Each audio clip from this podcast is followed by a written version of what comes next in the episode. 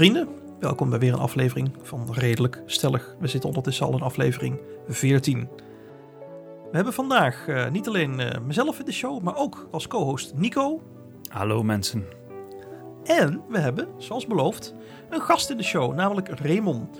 Raymond, waar zouden mensen jou van kunnen kennen?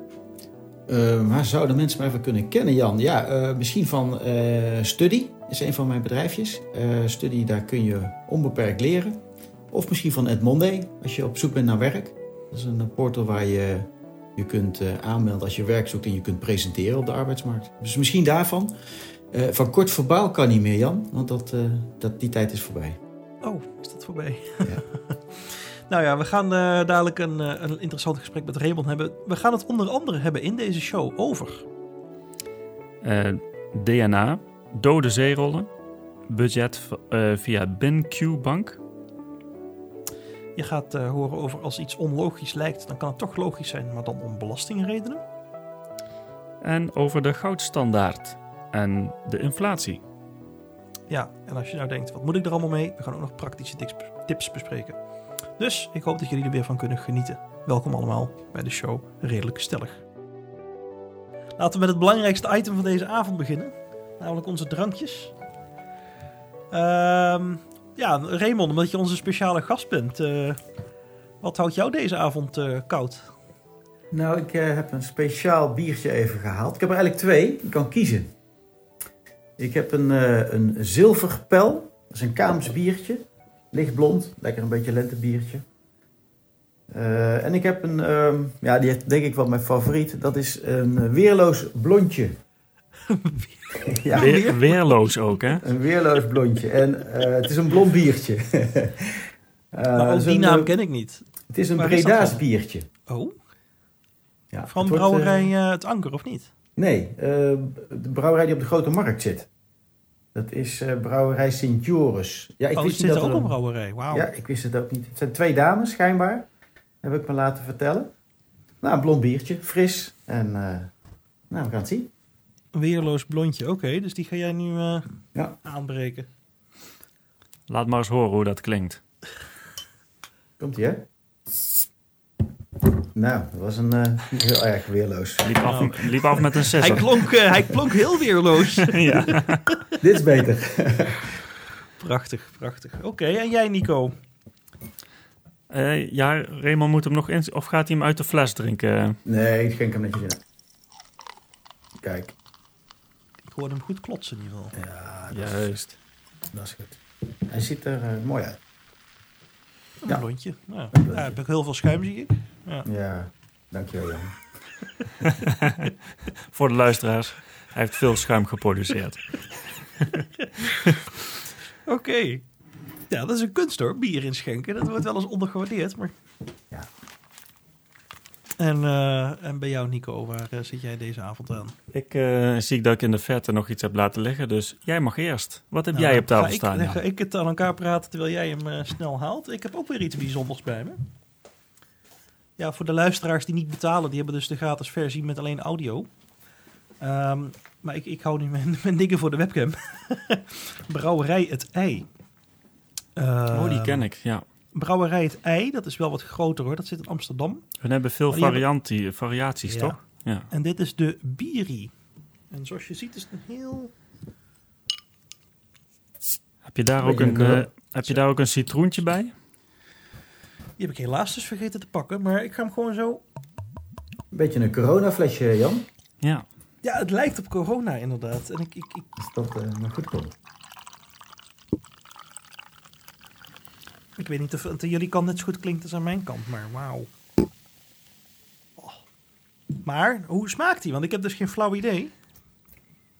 Ja, ik heb hem één keer gehad in de zomer, afgelopen zomer. Oeh, dit is een heel zomers biertje. Ja. Het is ook heel licht spul trouwens. Ja. Oké. Nice. Nou, dan zit ik dus deze avond aan. Brouwerij Ei, Bierie. Kun je iets vertellen over de smaak?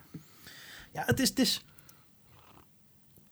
oh, je hebt van die radlers tegenwoordig. Dat is eigenlijk een soort gewoon kinderlimonade, alleen dan met een vleugje van... Uh, het heeft naast alcohol gezwommen, zeg maar. Zo smaakt dit ook. Het is gewoon limonade eigenlijk. Ja, lekker verfrissend. En, je, had, je had in Breda zwembad het ei, hè, voor uh, de oudjes onder ons. Dat was ook eivormig. Dat was een eivormig zwembad. Ja, Echt waar? En Smaakte, Ja, dat, smaakte dat hetzelfde dan? Dat weet ik niet. Ja.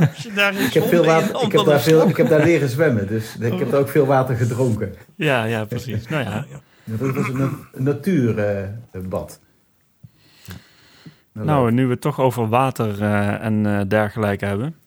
Ik heb deze keer een eh, verandering van eh, omstandigheden. Ik heb namelijk een eh, warm drankje voor mijn neus. Tenminste, die ga ik zo meteen inschenken. Waarom doe ik dat? Nou, normaal sluit ik het weekend ook graag eh, af. Of breek ik hem doormidden met een, eh, iets dat een eh, gouden of bruine glans heeft. Maar deze keer, dit was een van die dagen. Ik weet niet of jullie dat ook wel eens hebben meegemaakt. Maar dan wil je heel veel voor, doen op die dag. En je rent een hele hoop heen en weer, maar je krijgt heel weinig gepresteerd. En vandaag, de, de grondoorzaak daarvan lag vandaag denk ik een beetje in mijn zware hoofd. Mijn, mijn prefrontale cortex en mijn nek die deden zeer vandaag. Dus ehm, ik denk, ik hou het lekker bij een, eh, een thee. Maar het is wel een hele speciale thee. Het is een thee van een eh, speciale theezaak. eh, of koffiezaak, Caldi, misschien voor degenen die dat kennen. Oh, En deze thee bestaat uit citroengras, appel, rozenblaadjes, munt, verfijnen en korenbloem. En het is Nou. een hele, het is een hele, ja, hele frisse zomerse thee waar ik heel erg blij van word altijd. En dit is het geluid van een vers kopje. Theemelange. Maar jij bent mans genoeg om gewoon op deze show thee te drinken, Nico. Ik zat er vanmiddag over te denken. Zal ik eens een keer een theetje pakken? Ik nee, dat kan ik niet maken voor onze luisteraars. Die verwachten een biertje te Man met, man met baard drinkt thee. Ja, maar het, eh, Eh, het voordeel, zou een mooi voor, verhaal zijn. het voordeel voor mij nu is natuurlijk dat ik word eh, afgelost door Raymond. Hij heeft Ja, zelfs twee ja, biertjes ja, ja. meegenomen vandaag. Ja, dus ik kan er helemaal legitiem nu aan de thee beginnen. Ja, Heel ja, goed, ja. heel goed. Mooi. Nou, lekker jongen. En, en hoe smaakt je thee? Nou, officieel moet je hem eh, vijf minuten laten trekken, maar ik weet Oh, hoe die right. smaakt. Hij smaakt, ehm, kijk, ver- verfijnen, een van de onderdelen in deze thee. Dat, eh, dat is de, ook een beetje familie van de citroen, hè? En er zit ook nog citroengas in. Dus het is een beetje een, een frisse thee met een, eh, met een citroenrandje eraan. Weet je, dat is mijn bier, maar dan warm, zeg maar. Ja, misschien wel. Maar, maar dan durf ik te wedden dat deze thee wat zoeter is. Zoete afdronk.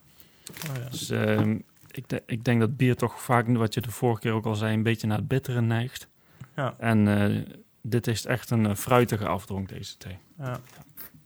Nou, het past wel bij mijn, eh, bij mijn weerloos blondje. Want die, daar zit ook wel een beetje citrus, eh, citrus in. Oké. zit wel een beetje, ook wel frisjes. Nou, Ja. dan zijn we toch een beetje allemaal gelijk allemaal gestemd op één lijn. vandaag. Ja. Wat, wat voor kleur? Ook een beetje lichtkoper? ja ik, kan, ik kan het nu Ja. niet in de webcam draaien, want dan keep ik alles over mijn laptop heen. het is natuurlijk gewoon een beker, geen doorzichtig glas. Ah, prachtig, Maar, eh, maar dezelfde kleur inderdaad, ja. Oké, Ja, ja, ja. mooi. Ik hou het bij een eh, weerloos blondje. Kijk. Ja, smakelijk allemaal. Laten we beginnen aan de tips en anekdotes van de week. Ehm, ik kwam iets superleuks. te- Ik heb een zwak voor geschiedenis. Ehm, op mijn Instagram-account omschrijf ik mezelf als een relapsed historian. Dus ik, kan, ik verval steeds weer tot geschiedenisdingen. Ehm weten jullie wanneer de Amerikaanse burgeroorlog was? Het was eh, rond 1860 of zo, hè? Ja.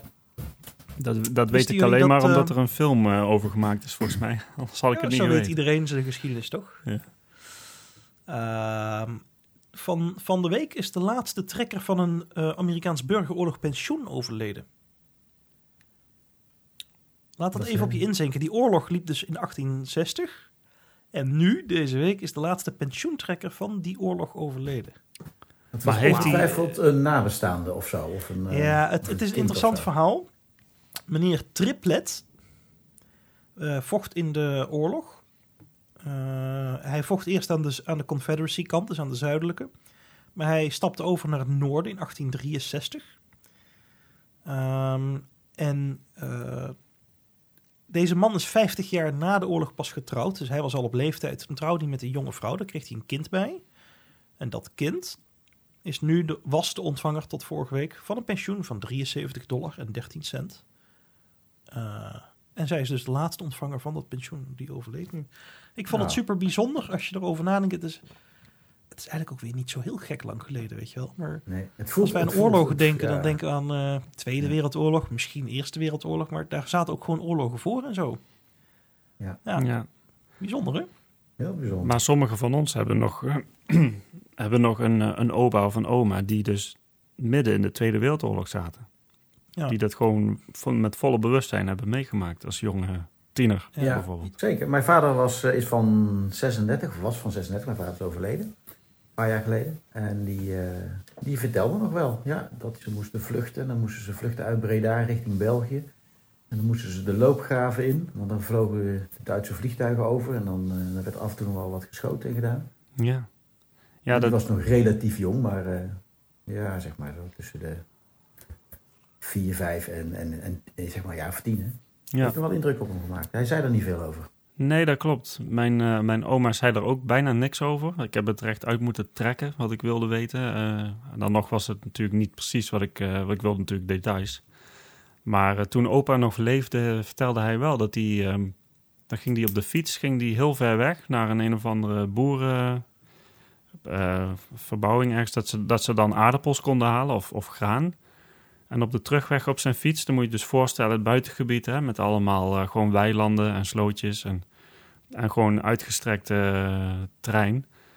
En daar werd hij dus beschoten door een Duitse eh, propellervliegtuig.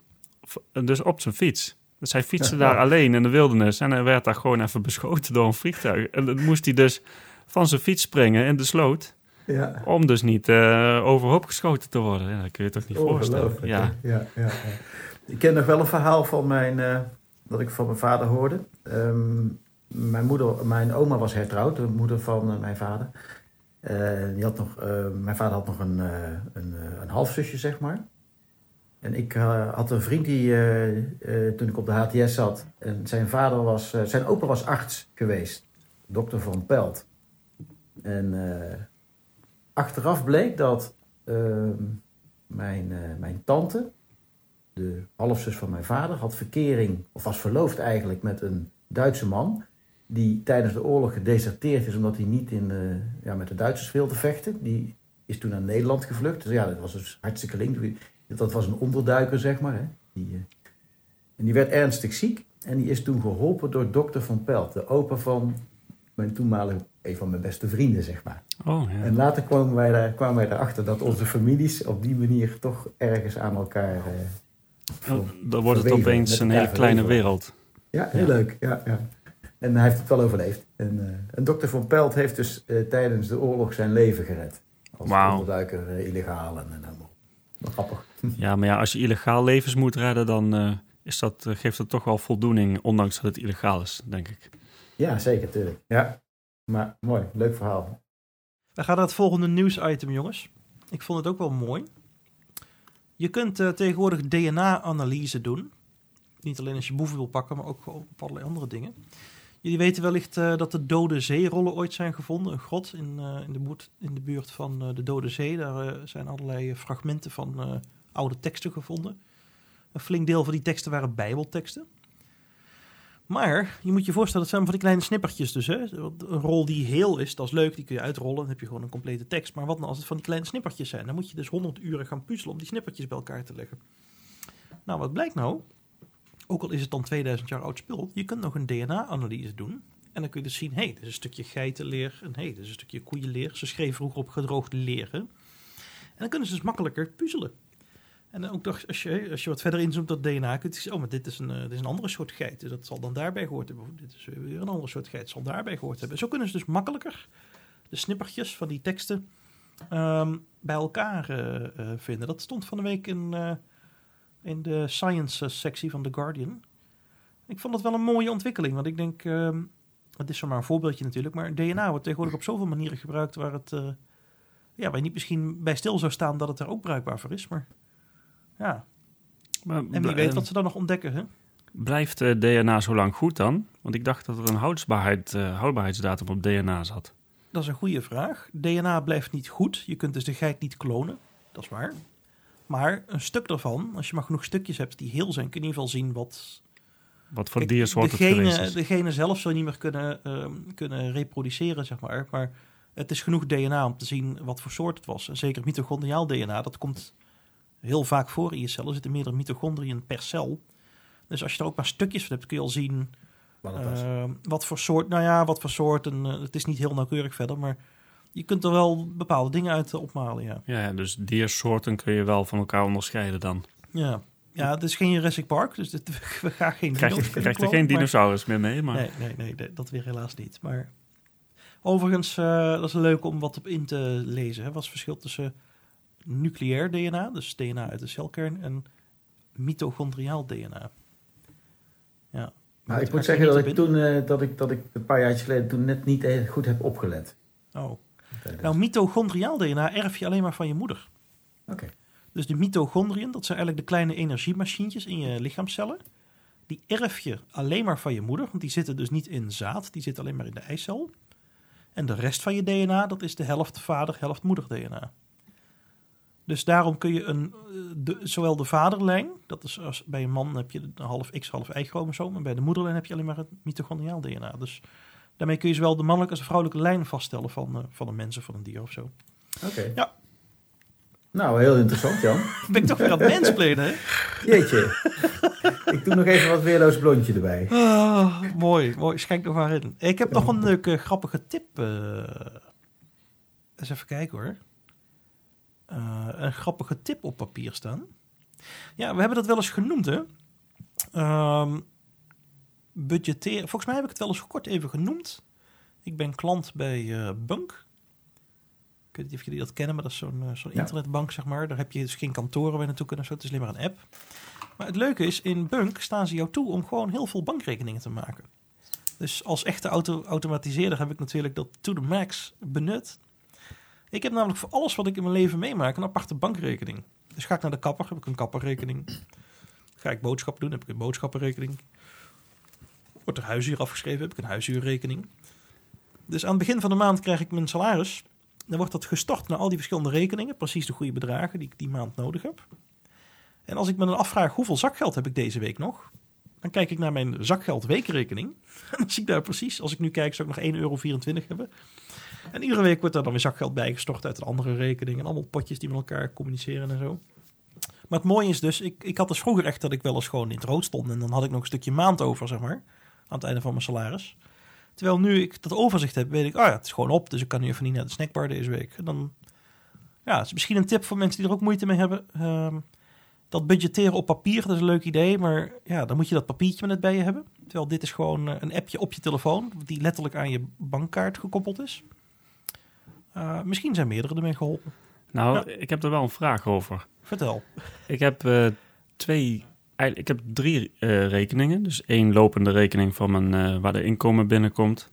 Dan heb ik een spaarrekening en dan heb ik nog een budgetrekening, zoals jij het zegt. Maar dan gewoon, er gaat elke week één bedrag naartoe en dat is het bedrag voor die week. Dus daar moet ik wel de boodschappen en alles van doen. Mhm. En de leuke dingen.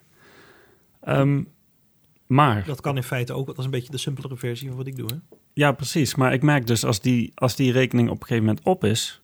Um, de week budgetrekening. Als de, als de weekbudgetrekening uh, van die week op is. Maar ik krijg zondags onverwachts gasten. En ik moet even iets lekkers uh, produceren voor, voor hun. Ja, dan, ga ik gewoon weer naar de lopende rekening. Want er moet even iets op, de, op tafel wat wat uitgebreider is dan mijn, uh, wat, wat ik oorspronkelijk in gedachten had, zeg maar. Ja. Uh, of je moet een keer onverwachts wat meer tanken, want je moet wat verder weg. Of, hè? Dus hoe doe, Ja. je, hoe doe je dat dan? Zeg je dan de afspraak af omdat je tankrekening leeg is? Of? Nee, ik, ik, ik laat mezelf bepaalde flexibiliteit toe. Ik heb ook nog een potje voor uh, noodsituaties en uh, daar zit ook nog wat geld in. Dat is zeg maar 80% van zijn salaris. ja, juist. Ik, uh, ik heb, als ik een andere auto wil kopen of bezoek krijg of zo, nog een extra potje ergens staan inderdaad. Ja, ik, ik heb het voordeel dat ik getrouwd ben en dan heb ik een en-of rekening. Dus ik, uh, ik stort je het kan altijd gewoon, bij je vrouw wat bieden. Ik stort het gewoon en we zien het wel. maar ik weet, we hebben ook meerdere rekeningen. Klopt. Ja, ja, ja, ja, ja, prachtig. Nico, ik snap deze zin niet. Jij hebt opgeschreven voor onze show notes: schrijven met de hand. Vertel, wat, wat, wat, is dat voor tip voor de luisteraars? Schrijven met de hand. Dat, ik heb eens uh, gelezen dat je dan dingen te kunnen onthouden. Gaat, gaat dat daarover?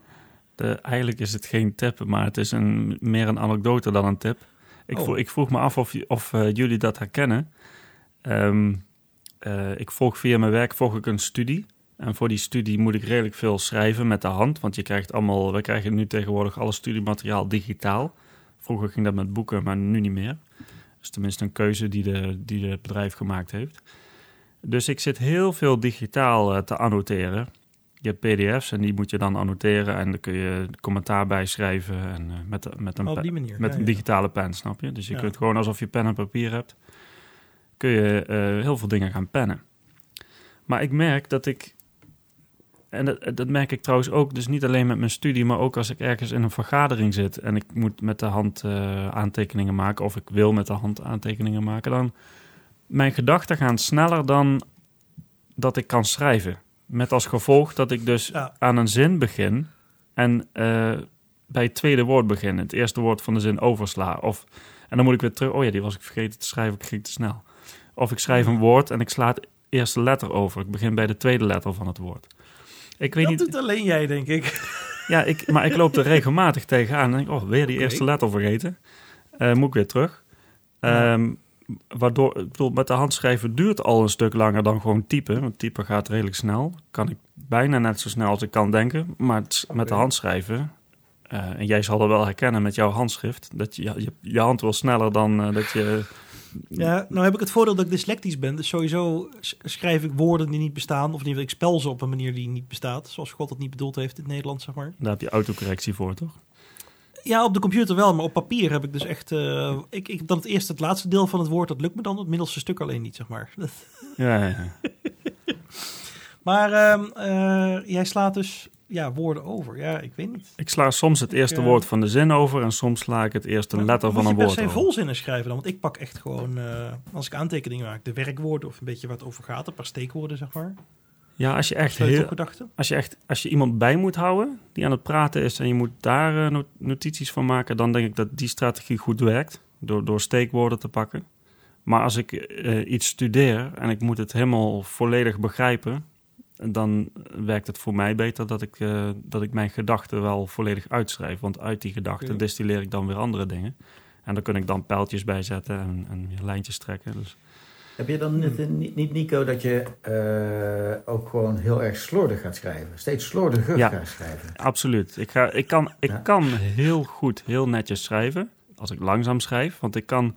Bij ons in de familie kunnen wij allemaal eh, goed tekenen. Dus, eh, dat Calligrafie, zit, zeg maar. dus Gewoon. het zit gewoon in de genen dat wij eh, de hand-oogcoördinatie redelijk goed onder controle hebben. Ik moest ehm, op school, eh, de- toen ik een tiener was, zat ik op een LTS. En daar moesten wij toen met las, kregen we les in het lassen van metaal. En eh, ik deed het voor de eerste keer. Ik deed wat de leraar me, me vertelde. Je moet voor lassen moet je een hele stille hand hebben.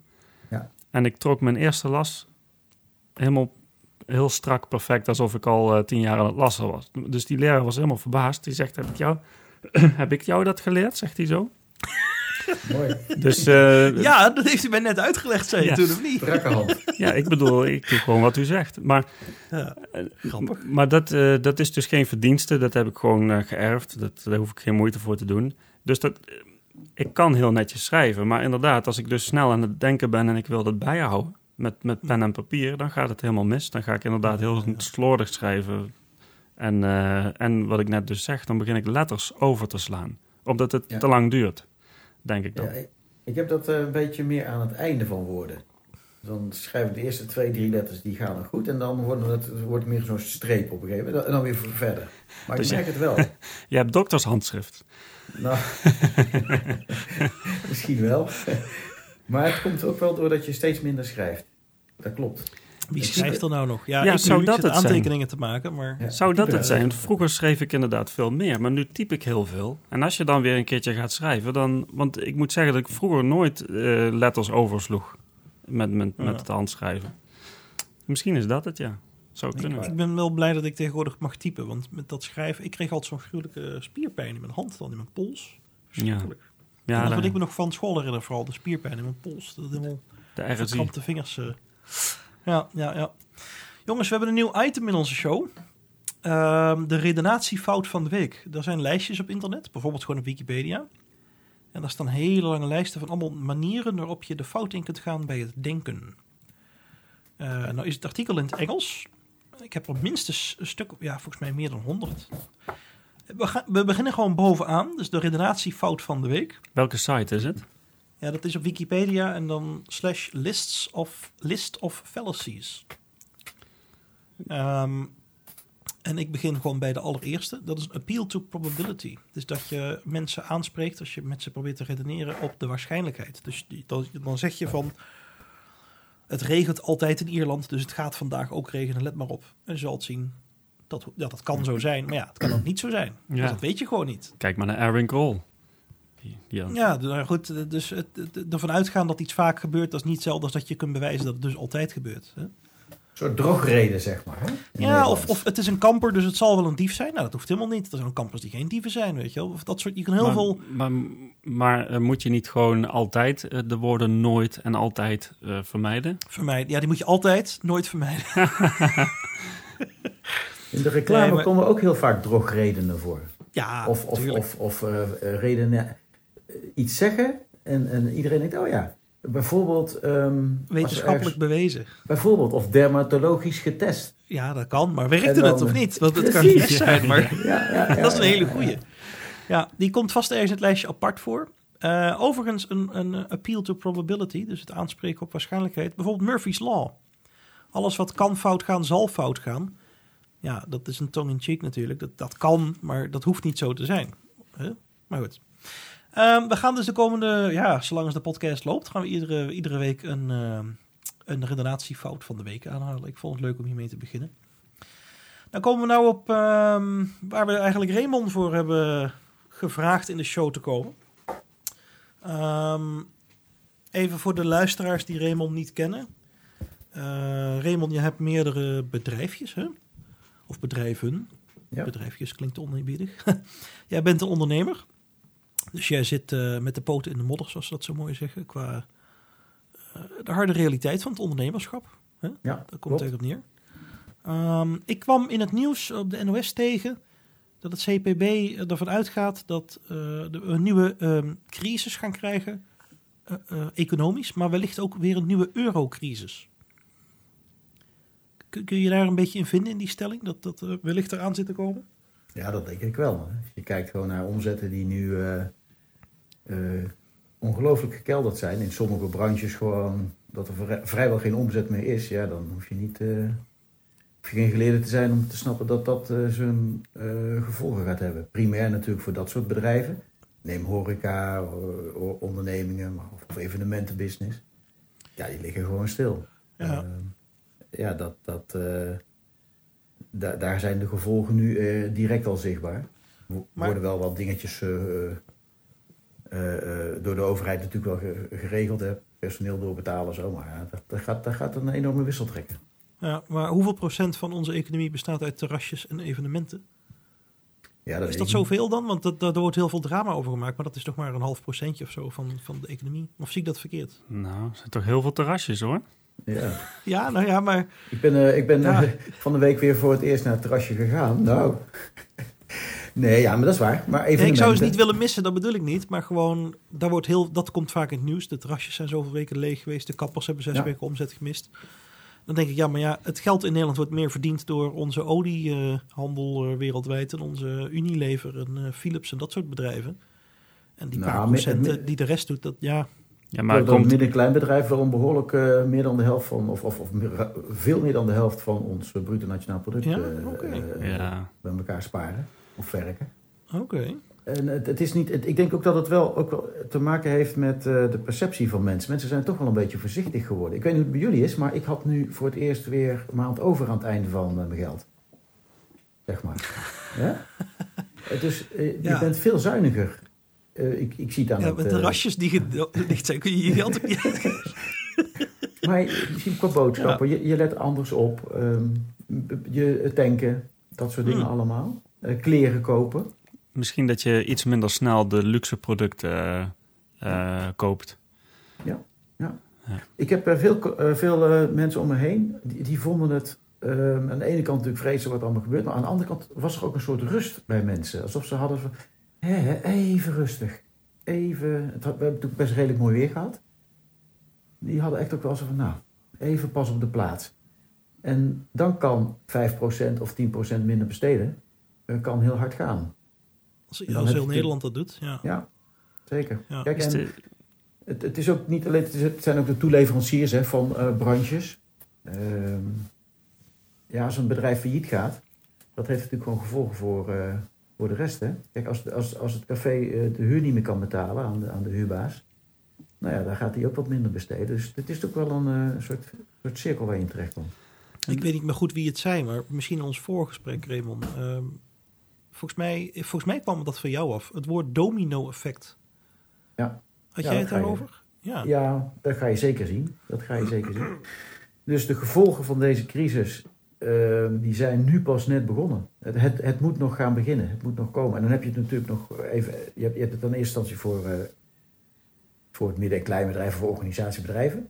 Maar ehm, ja, die wissel kan zich wel doortrekken naar de eh, financiële wereld, banken. Ja, dus, dus het zou ook een financiële Wellicht crisis een kunnen nieuwe worden. eurocrisis. Ja. En uiteindelijk wel weer een eurocrisis of, hè, noem het maar op, hè. eigenlijk een, eh, een soort schuldencrisis worden. Ja. Ik zag hier in Helmond eh, een paar jaar geleden. We hebben hier dus een soort. eh, we hebben hier een Elzas-passage. Eh, dat is een overdekte winkelhal, zeg maar, waar allemaal winkels in zitten. En een aantal jaren geleden al gingen daar heel wat winkeltjes gingen dicht. Omdat de huur heel hoog was van die. dus de, de huisbaas van dat pand, zeg maar, die vroeg heel veel huur. Terwijl de, we te maken hadden met een krimpende economie. Mensen hadden minder bestedingsruimte en dat voelden die winkels ook. Er waren verschillende winkels hoor. Dus kledingzaak, een, eh, eh, Indonesische toko met eh, voedingsmiddelen. en het is heel vreemd, want er zitten bedrijven zitten daar al meer dan twintig jaar en moeten nu de deuren sluiten omdat ze de huur niet kunnen betalen. Oké, maar die, die prijzen van die, die panden die gaan dus ook niet omlaag. Dus nu staan die al jarenlang staat er een hele winkelstraat in de Elzaspassage staat leeg, omdat die man die de eigenaar daarvan is, per se een belachelijk hoog bedrag moet hebben, denk ik dan. Ik begrijp Hij die is zo. gewoon een slechte ondernemer, bedoel je? Nou ja, ja, ik heb een keer gehoord van iemand die. Ik weet niet meer wie dat was, maar die zei dat. d- Er is een een of andere constructiefout in, in, in dit soort dingen, waardoor die huisbazen dus meer geld kunnen verdienen door een leeg pand te hebben, dan dat er iemand in zit. Die, ja, dus iets Ja, met de ja, belasting ja, had ja, dat te maken. Ik, ik hoorde een keer een leuke uitspraak. Als iets onlogisch lijkt, dan is het wel logisch, maar om belastingredenen. Ik weet niet meer wie dit zei, helaas. Maar, Ja, ehm, Net, net zo goed als je vroeger eh, je ramen dicht eh, smeerde en dicht eh, metselde. ja, want dan Dat je betaal je belasting belasting moest- over ramen of over glas in huis. Hè? Ja. Ja. Ja, precies. Ja, ja, ja. Dus als iets heel dom lijkt, dan kan het toch logisch zijn of rationeel Ja. om, ja, om belastingredenen. Maar volgens mij een leegstaand pand waar je niks op verdient, dat is gewoon aftrekbaar van belasting. Terwijl als er mensen in zitten, je krijgt er geld voor, dan moet je daar ineens omzetbelasting over betalen. Ja, dus misschien eh, in de constructie die die eigenaar heeft van dat pand, is het voordeliger om een, een kostenpost te hebben. Waardoor die dus Ja. veel minder belasting. eh, Raar, hè? ja, heel raar. Ja. Ja. Ja, ja, ja. Dat helpt natuurlijk niet mee met de economie. Hè? Die mensen die daarin zaten, die hebben dus geen omzet meer en die hebben hun bedrijf niet meer. En dat was nog in een tijd dat, dat de economie eigenlijk, eh, nou ja, booming is misschien overdreven, maar dat het eigenlijk allemaal redelijk goed liep. Kijk, Ja. nu komen er gewoon geen mensen meer in de winkel. En er is dus ook geen enkel, eh, ge- heel veel ondernemers hebben ook niet echt buffers natuurlijk. Ja. Het is ook wel, wel schrijnend hoor, want eh, ja, dan heb je je hele leven heb je hard gewerkt, wat bij elkaar verdiend, misschien een klein beetje gespaard. Ja, en dan komt er zo'n crisis overheen. Je bent gewoon in één klap alles kwijt. Ja. En als ondernemer krijg je ook niet echt een uitkering. Nee. Ja, want dan, eh, ja, dan krijg je een bijstandsuitkering uiteindelijk Oh, als, je, als je helemaal niks meer hebt of zo, weet je. Ja, je Maar, moet eerst eh, helemaal alles opgemaakt hebben. Hè? Ja. Kaal geplukt. Ja. Ja. Wat, En dan krijg je dus, dus soms, soms heb je dan situaties waarin je eh, bijvoorbeeld nog een pand hebt. Dat pand zou je dan eigenlijk moeten gaan verkopen. Maar dat moet je verkopen met, eh, eh, eh, dat pand staat bijvoorbeeld onder water of zo. hè. Dat heb je, dat heb je dus geleend geld en noem maar op. Dus, en, dus je, eigenlijk kom je helemaal vast te zitten. Je kunt het niet verkopen. Want als je het verkoopt, moet je het verkopen met schuld. krijg je een enorme schuld. Als je het nog houdt, dan zou je het nog een beetje kunnen verhuren. Maar dat is misschien soms net, ja, dat is, dat is ook vaak niet genoeg In om een van crisis te leven. ook... eh, ja, Ja, ja. En dat, zijn, dat, dat zijn schrijnende gevallen hoor. Ja. Tja. Kijk, die, die ambtenaren die nu ehm, thuis zitten en eh, niet naar kantoor mogen of naar, eh, naar de gemeente mogen, eh, ja, die worden gewoon netjes doorbetaald. Hè, die, die, die, die merken het niet echt. Dat zijn de laatste vaak die last krijgen. Ja, die kunnen, die Ja. kunnen ook bij grote ondernemingen zitten ook. Hè. Die worden lekker doorbetaald, kunnen de kindjes lekker eh, eh, bezighouden. Dus die merken dat nog niet zo. Maar vaak ondernemers of jongeren die kleine bijbaantjes hebben, dat soort dingen. Ja, je zou maar twee avonden in de week op het terrasje staan. Ja, dan heb je dus Ja, nu zoveel weken geen inkomen. Of in een bakkerij of weet ik het wat. Ja, Ja, nou, als je een huurtje hebt en je hebt je huisje, je hebt toch, nou, houdt dan, je, je hebt een paar honderd euro over, ja, die ben je dan kwijt. Dan, dat zijn wel schrijnende gevallen. Dat, dat, zijn merk de je eerste wel. die er last van hebben. Ja. En ik Ja. merk het ook zelf wel. We hebben, ik, eh, een van mijn ondernemingen zit in de verhuur van reclameruimte. En dat zijn langjarige contracten, gelukkig. Dus dan, dan ja, mensen hebben er voor een jaar vooruit betaald, dus dat, dat is nog niet zo heel spannend. Maar eh, eh, je merkt het wel aan bijvoorbeeld het betalingsgedrag. Ja, we hebben ook wat cafés en, en horecagelegenheden. Ja, mag ik even een maandje even wachten, weet je, dat soort dingen. En we hebben een redelijke buffer, dus dat is allemaal prima. En dan proberen we een beetje mee te denken. Maar als zoiets nog lang gaat duren, ja, dat heeft gewoon een impact. Dan is het eigenlijk een domino, hè? Ja. Eentje valt om, die kan de andere niet meer betalen. Dan valt die om, die kan die weer de andere niet betalen. Dan valt die ook om. Ja. Ja. Nou hoor ik jou zeggen, Raymond, dat jullie nog aardige buffers hebben. Ik denk dat jij daarmee, eh, of dat bedrijf dan eh, van jou, eh, daarmee handiger bezig is dan veel bedrijven. Want ik hoor ook echt bedrijven die eigenlijk gewoon geen buffer hebben. Nee, Die moeten gewoon Nou. omzet maken, anders is het meteen voorbij. Of Ja. uitstel kunnen krijgen van betaling. Maar eh, ja, kijk, deze wereld is, eh, om je heen zie je heel veel dat ehm, als je veel schulden maakt, dat dat op zich wel goed is in, in, je, in je bedrijfsplaatje. Dat je een verhouding hebt tussen eh, vreemd vermogen en eigen vermogen. En dus dat, nou ja, je, je moet ook geld geleend hebben. Dat is dan, of dat was economisch gezien, of financieel gezien, of, of, of fiscaal gezien, was dat verstandig. Ja, ik ben eigenlijk opgevoed met eerst eh, verdienen en dan kopen. Niet in alles natuurlijk, hè, maar, maar, maar wel eh, aan, aan de goede kant, eh, aan, de safe, aan de safe kant zitten. Dus eerst wel een stuk bij elkaar sparen en dan een verstandige beslissing nemen en dan nou, alles nog wikken en wegen. Ja, dus als je dan wat, wat, wat, wat vet op de botten hebt, ja, dan kun je, dingetjes, dan kun je dingetjes aan. Maar je ziet toch ook wel heel veel ondernemers die beginnen, kunnen makkelijk geld lenen. Ja, en komen nu in de problemen. En dat is wel, ja, dat is wel een uitdaging. En zitten dan misschien nog met die lening te kijken die ze toen eh, afgesloten Ja. hebben. Ja, ja. Maar de oplossing die nu wordt gebruikt is dat de geldkraan wordt opengezet, dat er nog makkelijker leningen worden gegeven, toch? Mhm. Dus eigenlijk het probleem was, men kreeg te makkelijk geld, daarom kon men schulden maken. Dus dat moeten we eigenlijk voorkomen, zou je dan redeneren. Ja. En nu wordt er dus door politici gezegd, ja, we gaan heel makkelijk geld verstrekken. En ehm, kijk eens naar hoeveel miljard bijvoorbeeld KLM gaat krijgen zomaar. Hè? Dat Ja. is een soort leningconstructie. Ja, Dus eigenlijk gaan we nu de crisis proberen op te lossen, tussen haakjes hè, oplossen. Met, eh, het, pro- met ja, het probleem eigenlijk nog groter te maken. Of zie ik dat verkeerd? Ja, dat denk ik wel. Ja. ja het is ook een beetje- Kijk, de ernstigste, de eerste nood kun je wel ledigen met, eh, met, met even wat bijdrukken van geld. Maar uiteindelijk is dat natuurlijk niet de oplossing. Eh, Nee. Nog meer schulden creëren. Ja, uiteindelijk is, is dat hele geldsysteem is natuurlijk een heel raar systeem. Waar komt geld vandaan? En, en, en, en ja, wie, maakt nou dat geld? Ik, ik, ik, ik, vraag me altijd af, hè. de overheid leent dan, eh, ik noem maar iets, duizend miljard. Hè, of, Europa leent duizend miljard. Of Nederland leent eh, 100 miljard. Maar van wie lenen ze dat geld dan? Ja, dat lenen we van een bank. Of dat lenen we van de Europese bank. Ehm, maar eh, de Europese bank, zeg ik dan, dat zijn wij dan toch, hè, denken veel mensen. Lenen we het dan van onszelf? Dat is een beetje raar natuurlijk, hè? Als, eh, ja, als, als de Europese bank of de Nederlandse bank is, stel dat de Nederlandse bank van ons is, van de overheid, van ons als mens, als volk, dan lenen we als land lenen we van onszelf. Nee. Dus dat is een rare situatie. Maar als je, als je daar gewoon wat nazoekwerk in doet, dan zie je dat banken eigenlijk eh, ja, van private personen zijn, private instellingen of, of privépersonen of privéfamilies. En eh, dat ook centrale banken eh, eigen, eh, in eigendom zijn van eh, privépersonen. Neem de Fed, de Federal Reserve. Die is eh, Amerika, ja. in Amerika. Die is. eh, eh, alle banken, of heel veel banken in de Verenigde Staten, zijn eigenaar van de Fed. En die, en die banken zijn eigenlijk allemaal private ondernemingen. Private. Ik kan ook aandelen kopen van een bank. Ben ik eigenlijk een klein beetje mede-eigenaar van die bank. Dus een hele Maar heb je ook inspraak dan, als je aandelen bezit? Als je er genoeg bezet. Ja, ja, ja, maar dat ga je niet redden. Oh. Nee. Nee, nee, nee. Kijk, dat, maar, maar ergens wordt er geld eh, ge- geschapen door private instanties, families of, of, of, of mensen. Maar dat er zijn wordt- dus families die hebben een gelddrukpers. Dat is eigenlijk wat je nu zegt. Ja? Ze hebben een omweggetje, maar ze hebben een gelddrukpers. Ja, om het heel simpel te maken. Families. Ja, daar, daar staat gewoon een kleurenprinter ergens op zolder. En die Als ik dat geld. thuis doe, krijg ik problemen hoor. Ja.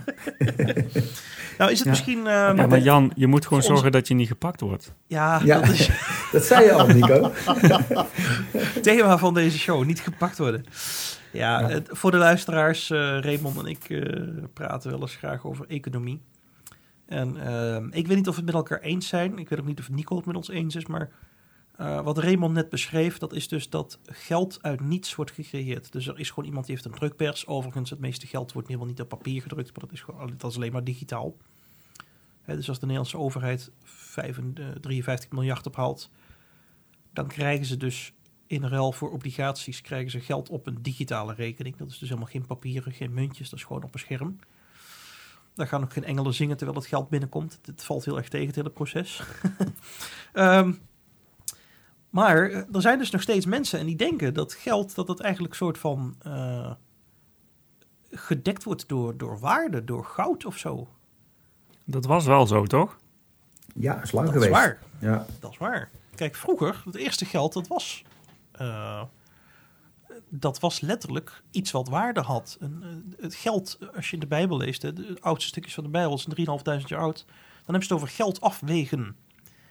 Kijk, muntjes en zo bestonden nog helemaal niet. Dus wat bedoelden ze dan? Dan waren ze dus zilver of goud, waren ze letterlijk op een weegschaaltje aan het leggen om het per grammetje af te wegen. Dus de, eerste, de eerste geldmaten zijn gewi- gewichtsmaten. Ja, geld, geld is natuurlijk eigenlijk ontstaan als een ruilmiddel.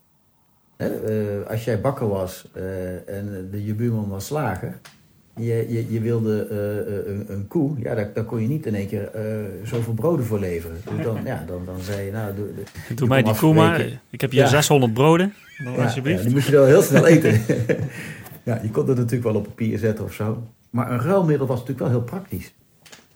En ik, je had vroeger zelfs ehm, bijvoorbeeld zout als, als ruilmiddel. Daar komt het woord salaris vandaan. Zout, ja. Ja, Echt waar? ja, ja. Ik heb Zout nog, geld, ja. ik heb las nog het, best wat zout schelpen. hier. eh. Ja. Je had schelpen ook. eh, bepaalde hele specifieke zeldzame schelpen. Ik las ergens dat in de stille oceaan waren eilandjes en zo. Daar kon je voor, voor even drie of vierhonderd jaar geleden... kon je voor twee hele grote mooie schelpen kon je een vrouw kopen. Ja, toen kon je gewoon een vrouw kopen. Ja. En 100 jaar geleden, door inflatie, was het al 400 schelpen of zo. Was een vrouw al 400 schelpen waard. Nou, Maar dat even terzijde. Maar die schelpen werden makkelijker gevonden, dus niet dat vrouwen meer waard werden. Ja, dat weet ik niet. Oh. Ja, ja, ja. Ja, ik kan me inflatie, Ja. van, inflatie van de vrouw. of deflatie. Misschien kreeg je meer vrouw. Dat is meer gegeten. Ja, ja, ja. Minder vrouw voor twee schelpen. Ja, we Maar lachen goud, erom, goud, maar... is, goud is natuurlijk schaars. En Ja. is ook niet bij te maken. En zilver, of- dat is of- niet- of- nee. ja. Ja, En eh, dus op die manier kun je, als je een ruilmiddel had, goud of zilver, nou, dat, dat was redelijk waardevast. Maar ik, Ja. neem, ik neem aan dat ze dan munten hadden van goud of zilver. Of hadden ze gewoon nee, echt nee, nee, nee, klompjes? nee, nee, nee. Munten zijn pas rond 650 voor Christus uitgevonden. Waarschijnlijk in het oude Lydië. Ehm, ik weet niet, hebben jullie wel eens gehoord van koning Midas?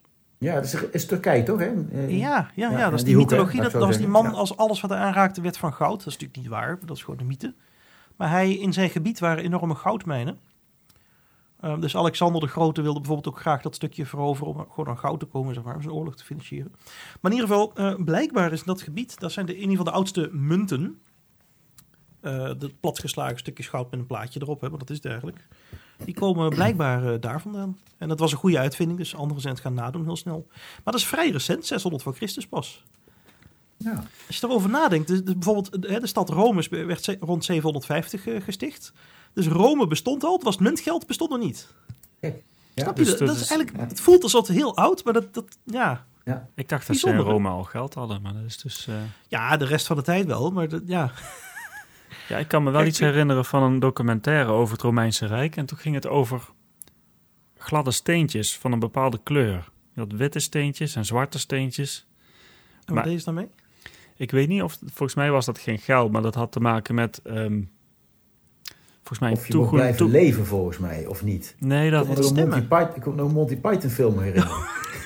Nee, het, het, het, Heel lang geleden. het was geen Monty Python. eh, het was een Nee. documentaire, van, eh, van eh, Discovery of zo was het volgens Oh, mij. ja, ja, ja, ja. Maar eh, volgens mij had dat te maken met een soort toegangskaart voor het, eh, Oh, dat klopt. voor het Dat theater. klopt, dat klopt.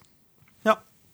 Ja. Dat klopt, dat gebruikt. Dus ik weet niet waarom, want je zou denken steentjes zijn toch zo te vinden, maar... Eerste Ja. rang en, eh, en, en eh, Ja, het waren volgens mij wel bewerkte steentjes. eh, Ja, een bepaalde vorm. Er werden steentjes gebruikt, ja. Ja. Als toegangskaartje. Ja. ja. Ja, Ze hadden nog geen eh, goedkoop papier zoals wij dat hebben. Je moet iets, hè? Er moet toch wel wat geweest zijn. Die mensen lopen de hele dag met een grote zak aan allerlei gewichten. eh, Stenen en goud en zilver. Dat is toch ook niet het lichtste materiaal?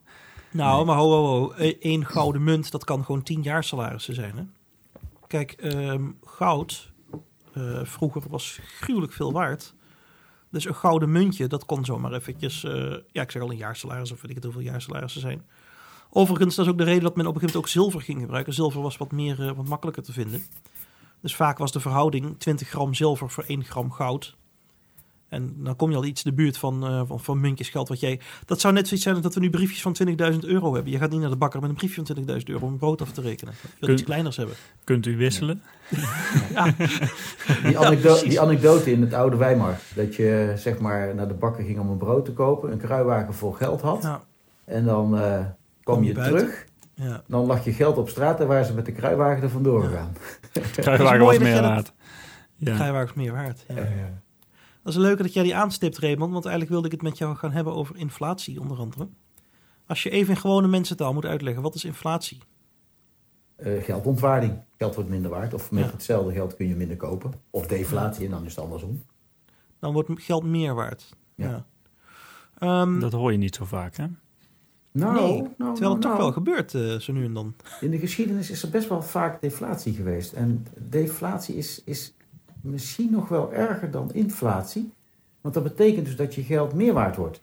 Dus dan heb ik nu 100 euro. Klinkt niet heel erg. Nee, dat vind ik ook niet erg. En als ik nou even wacht, dan wordt die, eh, eh, weet ik wat, wat, wat ik wil kopen, wordt goedkoper. Want mijn geld wordt meer waard. Dus wat gebeurt er? Mensen gaan minder wachten. uitgeven. Mensen gaan sparen, oppotten. En eh, de economie stort in. Maar Ja. ik, ik weet niet hoor, maar als mijn geld in één keer heel veel waard wordt, dan ga ik niet op, op, de, op een zak bonen zitten. Dan ga ik Ja, maar het wel... is niet eh, dat het in één keer waard wordt. Het is dat het langzaam steeds meer waard wordt. Ja. En dat je denkt, oh, maar wacht even. Ik kan vandaag voor 5 euro een t-shirt kopen. Maar ik kan ook wachten tot morgen. Dan is die 4 euro. Ik wacht wel tot morgen. Maar morgen denk je, ja, maar ik kan ook overmorgen dat t-shirt kopen. Dan is die voor 3 euro. Snap je dus dat ja, ja. het psychologische gevoel dat jouw geld, ook al heb je nog steeds precies evenveel euro's, dat het meer waard wordt. Dat betekent dat je de hand op de knip houdt. ja. En dat is En dat de is, reden eh, waarom nu, eh, onder andere de Europese Unie, eh, dat is in Europa, proberen om die inflatie Ja. weer wat, wat hoger te krijgen. Want ze zijn als de dood dat ja, die hele economie instort. Dat mensen vanuit het psychologisch gevoel zeggen, ja, wacht nog maar even. Ja. En daarom zijn ze ook geld aan het drukken. Ook een van de redenen. Om toch die inflatie naar een procent of twee te krijgen. Dat, die, dat, dat, zeg maar, die 2 procent, dat is net zo... Zeg maar die kikker die steeds waar in, in, in, in een teltje water... Of in een, eh, in, in een eh, bak water... eh, het water steeds warmer. Ken je wel? Die Ja, kikker, ja, ja. Die kikker heeft niet door dat hij gekookt wordt. Omdat het langzaam warmer wordt. Ja, Ja, dat is Maar- die 2 procent. Als het meer wordt, dan voelen mensen dat. Dan worden ze opstandig en dan krijg je gedoe. Maar 2 procent... Maar 2 procent is stilletjes aan wel heel veel. ja. Dat, zijn, eh, dat kunnen wel enorme bedragen worden. Als je dat in, in, in een lange periode bekijkt. Want toen wij, eh, toen we zeiden, nou, we gaan het even over inflatie hebben. Toen dacht ik eens van, weet je, ik wil eens even kijken. Wat is nou in bijvoorbeeld 100 jaar Hm. eh, eh, eh, inflatie? Stel, ik heb 2% en ik zou 100 euro op de bank zetten. Wat is dat dan over 100 jaar? Over Ja, 100 vertel. jaar is 100 euro 724 euro geworden. Wauw. Maar dan, maar dan 2 andersom. hè? I- i- Is die 100 euro echt... die waarde wordt Nee, toch nee, met- nee. nee. Wat, wat, wat Raymond bedoelt, stel jij koopt iets voor 100 euro. Wat, wat kost 100 euro? Eh, een hele mooie broek.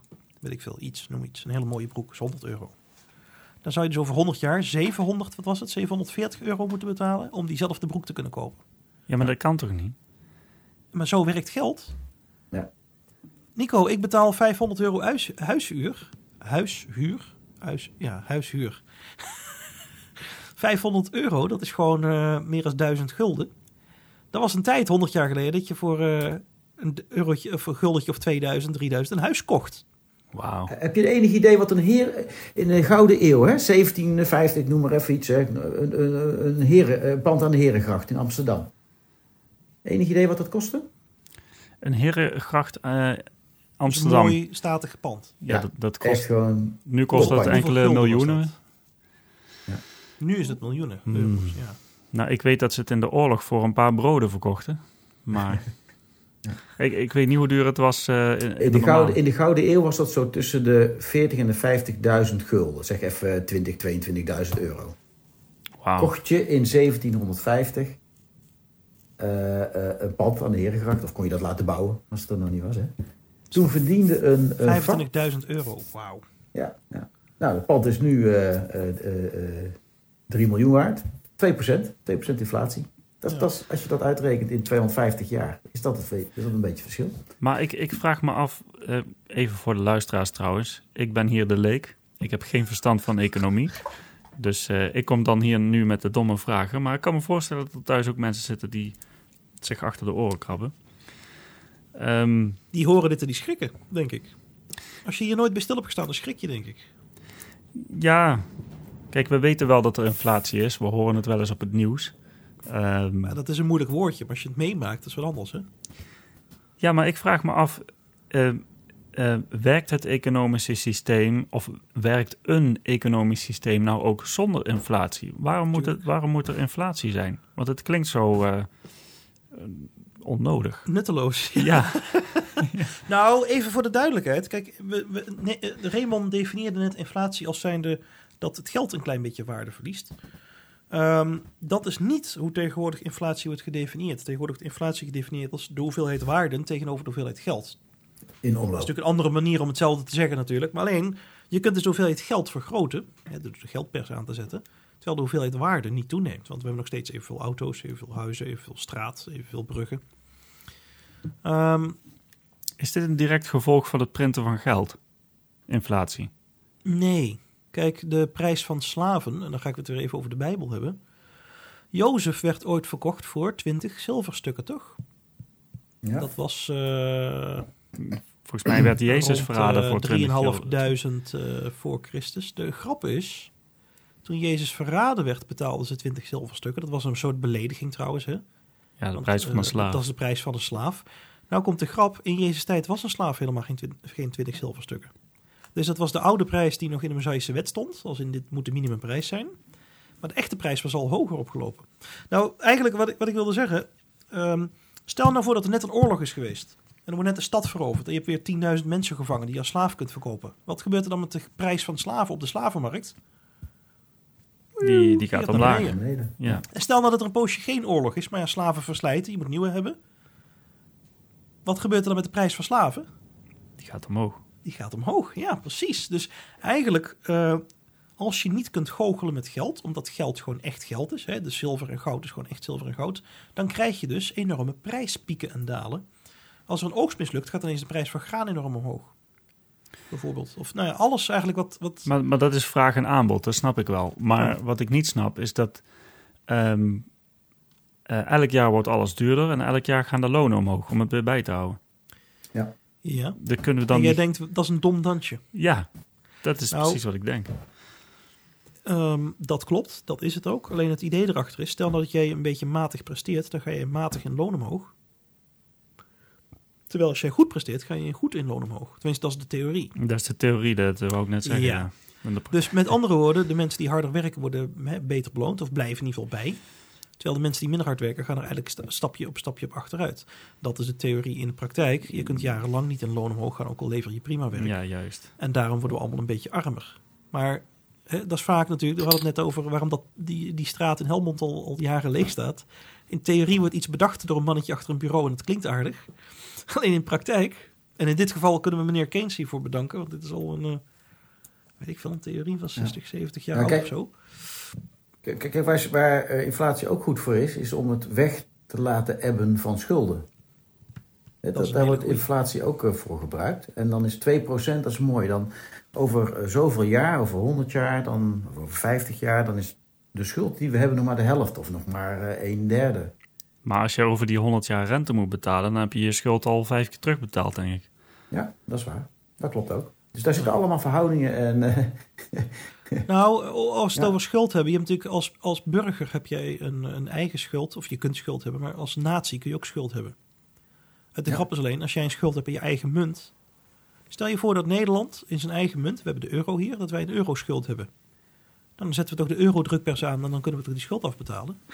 zie hier de dollar. Je hebt een probleem als jij een, een schuld hebt in andermans geld. Heel, heel veel landen zijn natuurlijk best wel arm en die hebben een munt die een beetje wakku wakku is. Dus die landen kunnen helemaal niet in hun eigen munt lenen. Dus die moeten wel in dollars of in ponden of in euro's lenen. Die landen hebben een probleem, want die kunnen dus niet een drukpers aanzetten om aan meer euro's of dollars of ponden te komen. Ja. Ja, vandaar dat ook eh, eh, ja, de dollar eh, zo, zo, ja, dat als een soort re- wereldmunt eh, eh, door de Amerikanen natuurlijk, eh, ja, als, als Dat willen ze heel- graag zo lang mogelijk houden. Ja, precies. Daar Maar- zijn ze wel heel erg blij Ja. mee. Maar Want de, wat, de dollar, dat, de dollar is... Als ik kijk naar die... Je hebt zo'n website en dan kun je zien hoeveel staatsschuld Amerika heeft. En eh, Mhm. eigenlijk het, altijd het geld wat bijgeprint wordt. Ik, ik weet niet of ik het goed heb, maar volgens mij kwam er iets van tussen de 10 en de 30.000 dollar per seconde bij aan schuld. Eh, oh, zo weinig? Ja, die, die, die teller die ging zeg maar eh, sneller omhoog dan mijn jaarloon per seconde. het zeg zijn maar. astronomische bedragen. Ja, Ja. maar, dan, Ja, ja. maar, maar dat, dat is een trein die is al super lang aan de gang. Ik weet niet hoe lang, maar al heel lang. Oh, Dit is toch gewoon op een gegeven moment gewoon fantasiegeld geworden. Ja, Dat klopt. Ehm, dat heet ook fiat geld. Fantasiegeld. En dat, Ja. en, en, en dat klopt. En, en, en zolang mensen blijven vertrouwen in de waarde van geld, dus het is eigenlijk een vertrouwenskwestie, ja, blijft het systeem intact. En als mensen het niet meer vertrouwen, dan zeggen ze, ja, maar voor dat briefje kan ik helemaal niks meer. Nou, dan krijg je inflatie of hyperinflatie. Dan Dat is, mensen, eh, ja, dat is in Venezuela gebeurd, hè? Hyper, hyperinflatie. Bijvoorbeeld. ja, ja, of in Zimbabwe, of in, of in, de, of in Europa, hè? In, eh tweede, eh, eh, eh, Vlak voor de eh, Tweede Wereldoorlog. Vlak voor de De Tweede Wereldoorlog. Ja. Dan had je, ik, ik, ik weet ook, mijn vader had, eh, van mijn oma denk ik dat het was, die had briefjes van vroeger. En daar stond dan eh, 28 miljard of miljoen mark op of zo, weet je, dat soort briefjes. Wauw. Daar behang, daar, mensen die gingen een, een, een huis behangen met, eh, met eh, geld. was goedkoper Dat was dan goed. behang kopen. Goedkoper dan brood, behangpapier. is echt letterlijk, hè? Kijk, wij, dat- wij praten hier grappig over, maar ik denk dat mensen die, stel dat je nu geboren bent en je hebt altijd de gulden of de euro gehad, dan kun je je niet voorstellen dat geld zoveel zou ontwaarden. Ja. Want je denkt, ja, dat gaat hier niet gebeuren. Maar ehm, het kan hier dus gewoon gebeuren. Ja, eigenlijk hebben wij, onze generatie heeft het wel meegemaakt met de overgang van gulden naar euro. Als je dan, eh, toen we nog guldens hadden, toen kocht je een bloemkool voor een gulden. En na de overgang was het een bloemkool voor een euro. En toen zeiden al die winkels, ja, maar we wilden de prijzen toevallig toch al eh, omhoog doen. Ja, En toevallig was dat net met eh 202 procent. ja, ja. ja, ja, ja. Dus- nou ben ik toevallig pas echt geld gaan verdienen toen de euro er net was. Dus ik heb nooit echt mijn salaris in guldens meegemaakt. Dus misschien is dat mijn redding dat ik in ieder geval daar niet nog, nog over hoef te zijn. Maar is toch de heel apart, hè? bestaat een jaartje of twintig of zo ondertussen al. Ja, en daarvoor was er geen euro, hè? Er was niks, hè? We, hebben- we, we hebben iets gecreëerd. We zeggen, we Ja. noemen het euro. Ja. En we vertrouwen allemaal eh, dat het allemaal werkt. En eh, nou, we gaan aan de gang. Dat was Ja. gewoon niks. Heel apart. Zal ik je En wat grappigs... Oh, Ja? ja? Sorry hoor, nee Jan, vertel jij maar. Nee, ja, als jij een leuke anekdote wil Nou, geen, an- geen anekdote, maar, maar vroeger was geld gekoppeld aan goud. En goud is schaars, dat kun je niet onbeperkt bijdrukken of maken. En daarom zat er nog een rem op, die, eh, op dat bijdrukken van dat geld. Maar ja, sinds dat is losgelaten, eh, in de jaren 30 was het volgens mij hè, in het begin. En dan later nog in eh, 74 geloof ik, hè, met eh Bretton Woods of 72. Dat is in een paar stappen gegaan, ja. Ja. Ja, nu, nu kun je dus dollars drukken zonder dat er in tegenwaarde eh, eh, goud of een andere eh, asset of, of waarde tegenover staat. Ja. Gebeurt hetzelfde met de euro? Of is dat... Ja, de euro is ook niet gedekt door goud Nee. of zilver. Hm. Voor de luisteraars, je had natuurlijk vroeger je had nog een tussenstap tussen goud en zilver en ineens papiergeld wat niks was. De tussenstap was namelijk dat je een papiertje had. En dat had je trouwens ook gewoon met dollars. En trouwens, met de pond had je het tot voor kort nog, nog vrij recent nog. Daar stond dan op, je kunt niet mee naar de bank lopen. En dan kun je de waarde van dit briefje in goud krijgen. Dus dat was nog een tussenstap. Dus dat een briefje eigenlijk hè, ja, garant stond voor iets wat je kon afhalen aan een balie. Niemand die het deed, gelukkig. Maar de grap is, op een gegeven moment gebeurde het wel dat mensen dat gingen doen. Mensen, eh, en dan hebben we het over de crisisjaren, de jaren 30. Daar had Raymond het net even over. Op een gegeven moment zei de Amerikaanse overheid dus van, weet je wat... ehm, er gaan te veel mensen hun goud afhalen voor hun eh, dollars. Dus we gaan dat eh, stopzetten. En even later kwam FDR met... ehm, ik, het is heel eng dat ik het uit mijn hoofd weet, maar Executive Order 6502. Dat is een legendarisch stuk papier hoor. En daarin zegt hij dus: het is vanaf nu verboden voor Amerikaanse burgers om goud te hebben of om bearer, dus om ehm, beslag op goud te kunnen leggen. Dus je mocht het goud niet meer zelf hebben. Dus geen gouden ketting, geen gouden trouwring, geen goudstaaf in de kluis, niks. Je moest alles naar de bank brengen, inleveren. Dan kreeg je dus je dollarbriefjes er wel voor terug, waar nog steeds op stond hè, in te leveren voor goud. Maar het privébezit van goud was dus verboden. En waarom? Omdat ze te weinig goud op voorraad. Kijk, je bent natuurlijk een keizer zonder kleren. Als mensen ontdekken dat je briefjes uitgeeft, waarop staat goud af te halen bij tonen van dit briefje, en je hebt het niet. Ja. En dat is stiekem wat er aan de hand was. Ze hadden maar 40% dekking, dus 60% was ongedekt. En in de oorlog, reken maar om wat oorlogsdingen te kunnen financieren, werd er nog wat extra bijgedrukt. Ja, Weet bijzonder. je, hè? over, weet je overigens dat er nog niet zo lang geleden was er een rechtszaak van een pensioenfonds. Die wilde investeren in goud. Oh. En die mochten dat niet van de Nederlandse bank. Waarom? Waarom? je dat nou? Serieus? Ja, ja, ja. Waarom zou je Dat niet is- mogen investeren in goud als je dat toch wil? Ja, dat de Nederlandse bank zei dat gaan we niet doen. Nee, dat gaan een jullie niet doen, maar wij wel. gekomen, Die hebben, hè? Dan zeg je tegen die bank dat jullie dat niet gaan doen. Prima, wij doen het wel. Ja, het was de Nederlandse bank. Hè? En, eh, de, eh, Die mogen regels stellen voor pensioenfondsen. Ja, Precies. ja, ja. Oh, oké. Maar wat denk je dat erachter zit, Raymond? Waarom mogen ze dat niet? Ja, ik vind... eh, ja, wat, wat denk je dat erachter zit? Ehm, Ja, ik Je denk dan meteen een complotten, maar nou, ja. wat denk jij? Nou, nou ja, kijk, ehm, uiteindelijk, eh, je ziet in de, in de geschiedenis van geld dat uiteindelijk fiat geld niet houdbaar is. Dat houdt Ja. een keer op. Ja. Uiteindelijk gaat het vertrouwen weg. En dan je heb je in de historie gezien dat mensen altijd weer teruggrijpen naar toch goud en zilver. Ja. Want goud en zilver zijn niet bij te drukken, niet, niet, niet, eh, niet bij te maken. Je ziet nu dat centrale banken over heel de wereld enorme hoeveelheden goud aan het opkopen zijn. Ja. In China en in Rusland, Amerika heeft al heel veel goud. Je ziet de goudprijs Italië ook ook. stijgen. Italië heeft ook een hoop goud liggen. Italië heeft ook heel veel goud. Ja, ja, ja. Er, wordt wel eens gekscherend gezegd. ehm, ja, voordat we Italië, voordat Europa Italië misschien moet helpen, moeten ze misschien eerst hun goud opmaken.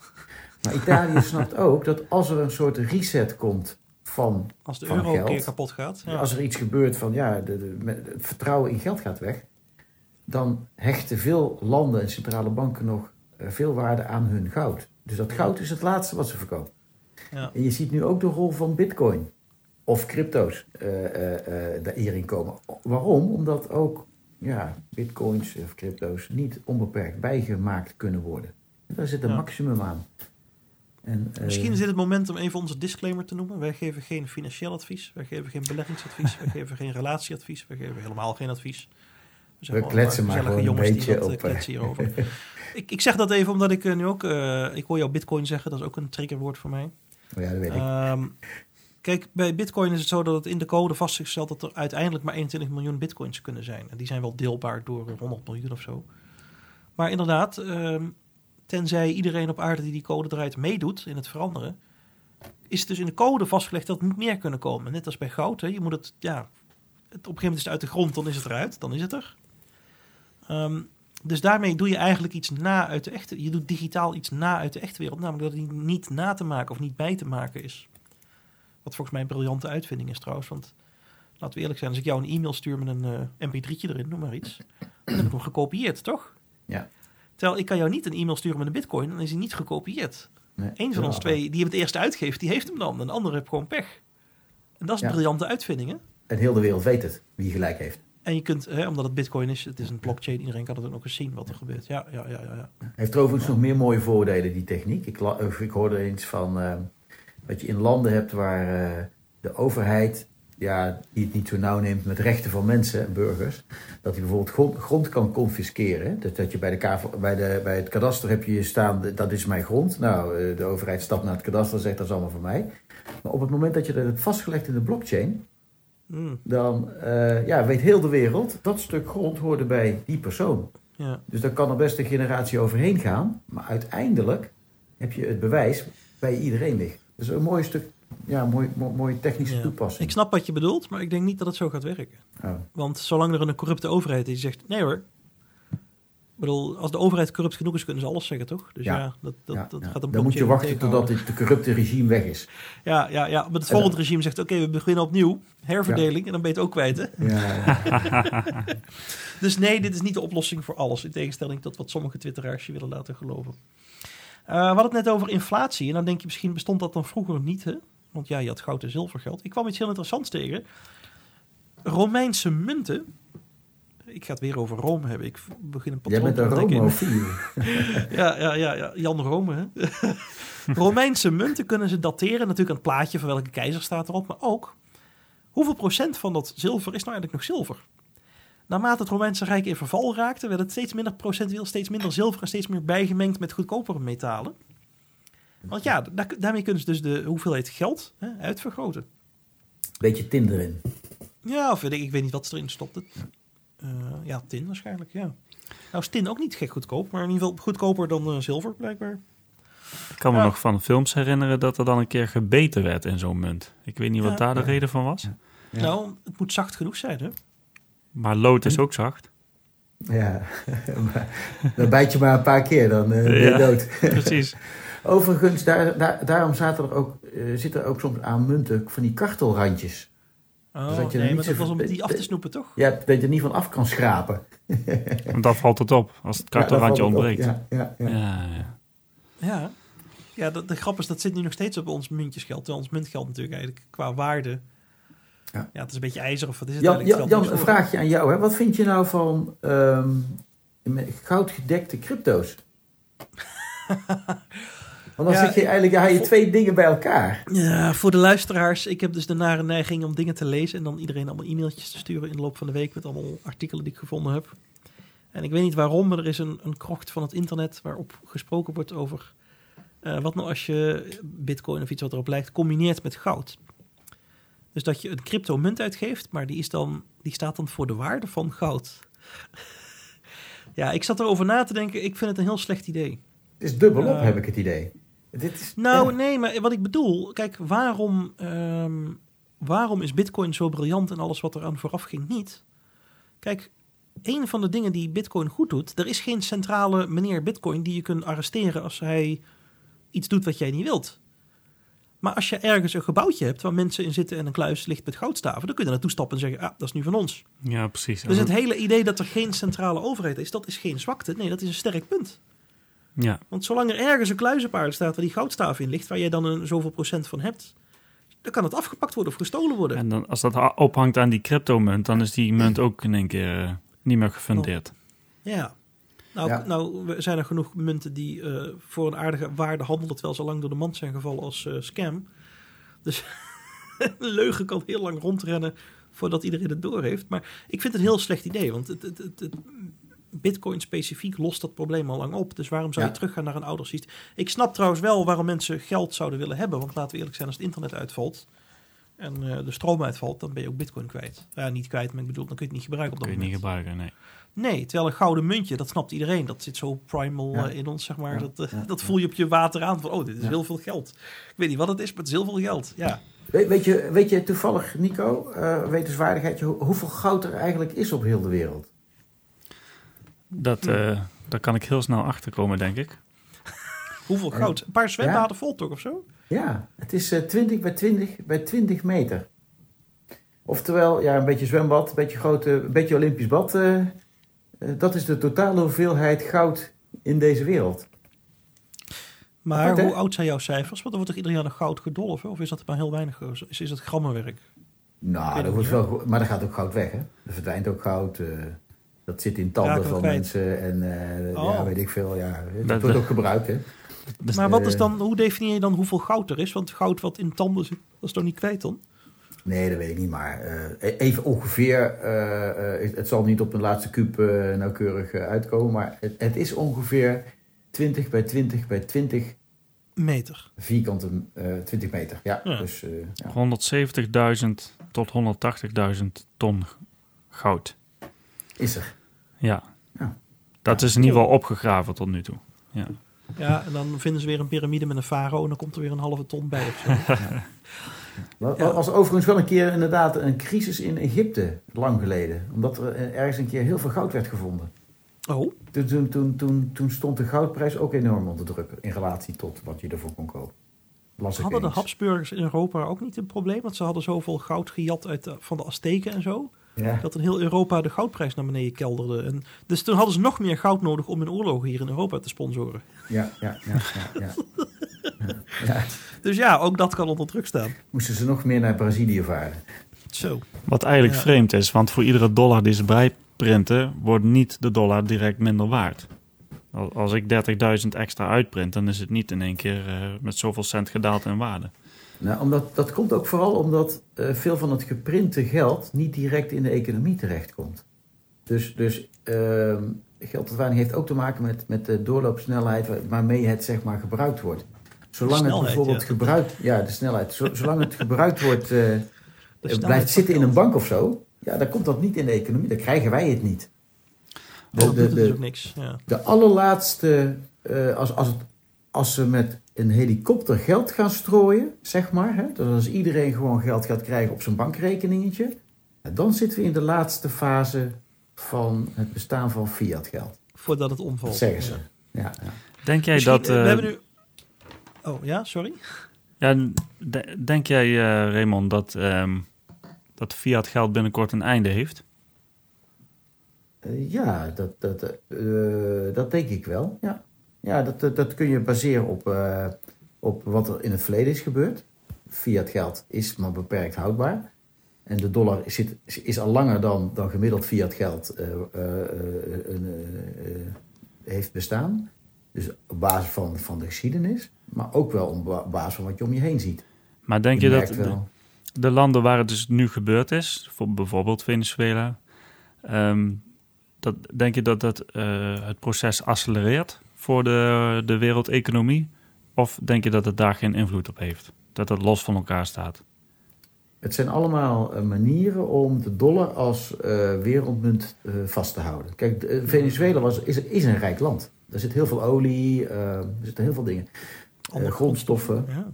Eh, kijk, op het moment dat, je, dat een land zijn grondstoffen niet meer wil afrekenen in de dollar, dan, ja, dan ondermijnt dat de waarde zeg maar, van de dollar. En er zijn natuurlijk allerlei krachten aan de gang die wij niet kennen. En, en, en, en, en- Op dit en moment gaat iets van 70% van de wereldhandel in dollars of zo. Ja, ja, ja. En, 70% ehm, herinner ik me. Kijk, kijk, eh, wat wat Jan ook, ook noemde, hè, de schulden die de Verenigde Staten... En jij ook net, Nico, weet je wel, dat je dacht... eh, elke seconde of elke minuut komt er zoveel miljoen eh, dollar aan schuld bij. Ja, dat is alleen te houden als mensen de dollar nog een beetje vertrouwen.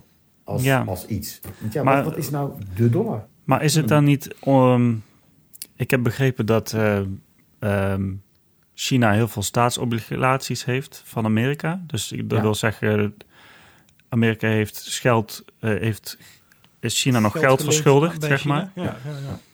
Eh, en dan gaan ze zo moeilijk doen tegen China. Hè? Allemaal, allemaal eh, Ja. Trump had het zelfs in zijn hoofd gehaald om even te zeggen van... we gaan misschien die schulden niet afbetalen. Waarop hij natuurlijk meteen op het matje werd geroepen door iedereen die er verstand van heeft... van nou, dat moeten we toch maar wel doen. Want als we onze schulden niet meer afbetalen... Dan zijn we dan klaar. is het eens gedaan met de dollar. dan is de Dan dollar kun je ze ook niet meer bijdrukken, want dan, dan is het papier meer waard dan de dollar Ja. waar je hem op drukt, zeg maar. Ja, dus... eh, Dus daar, daar is hij op teruggekomen. Maar ik bedoel, als, als, als, eh, als je schulden hebt bij een land...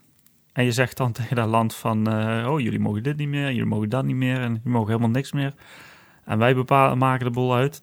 dan kan dat land zeggen van... oh ja, dan betaal maar eens die eh, rekening eh, die we hier nog open hebben staan. Weet je hoe dat werkt, Nico? Dat is een goede vraag, hoor. Stel dat ik bij jou 10 euro leen. Dan heb ik een schuld bij jou, toch? Ja, Maar Wie, wie, wie heeft dan een probleem van ons twee? Je- dan in Dan theorie... heb ik een probleem, toch? Want ik moet dit terugbetalen.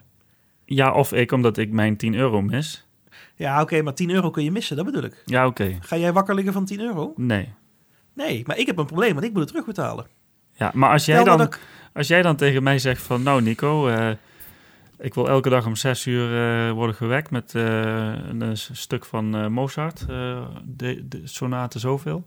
En eh, oh ja, je moet me elke dag fris water komen brengen. Ik wil dat mijn gras gemaaid is. Terwijl ik nog van jou 10 euro krijg. Dan zeg jij, dikke neus, dat doen we niet, toch? Precies. Maar Maar stel je nou voor dat ik bij jou 10 miljard euro leen. Wie heeft er dan een probleem? Nou, 10 miljard mis ik wel eigenlijk. Ja, dat, mijn punt is, hoe meer schuld je maakt bij iemand...